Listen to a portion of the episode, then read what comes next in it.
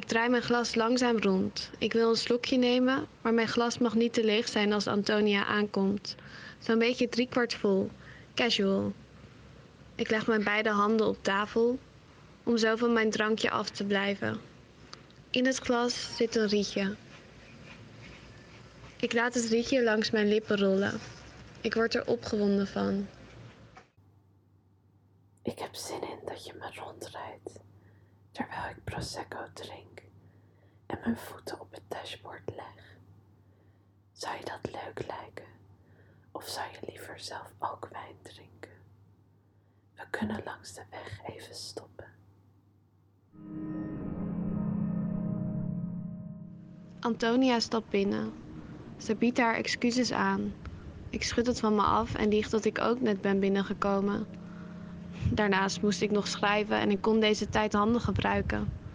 Ik klap het schrift wat ik op tafel had gelegd dicht en stop het in mijn tas. Op mijn bureau ligt een etui en uit dat etui haal ik een dikke stift. Het is paars gekleurd. Ik ga weer op bed liggen en probeer voorzichtig de stift uit op mijn pols. De stift maakt een duidelijke lijn en ik zucht. Ik druk mijn billen het matras in. Mijn rechterhand glijdt over mijn borst, mijn buik naar beneden.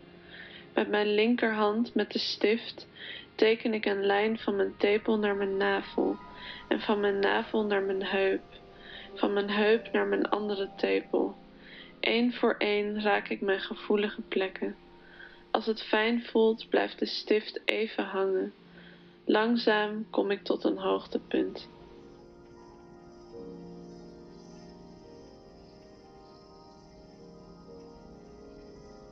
Ik sta voor de spiegel en kijk naar mijn lichaam.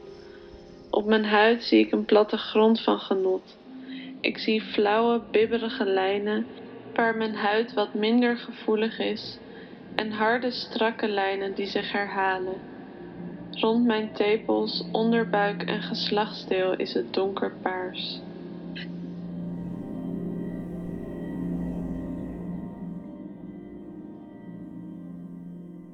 Ik ben alleen achtergebleven.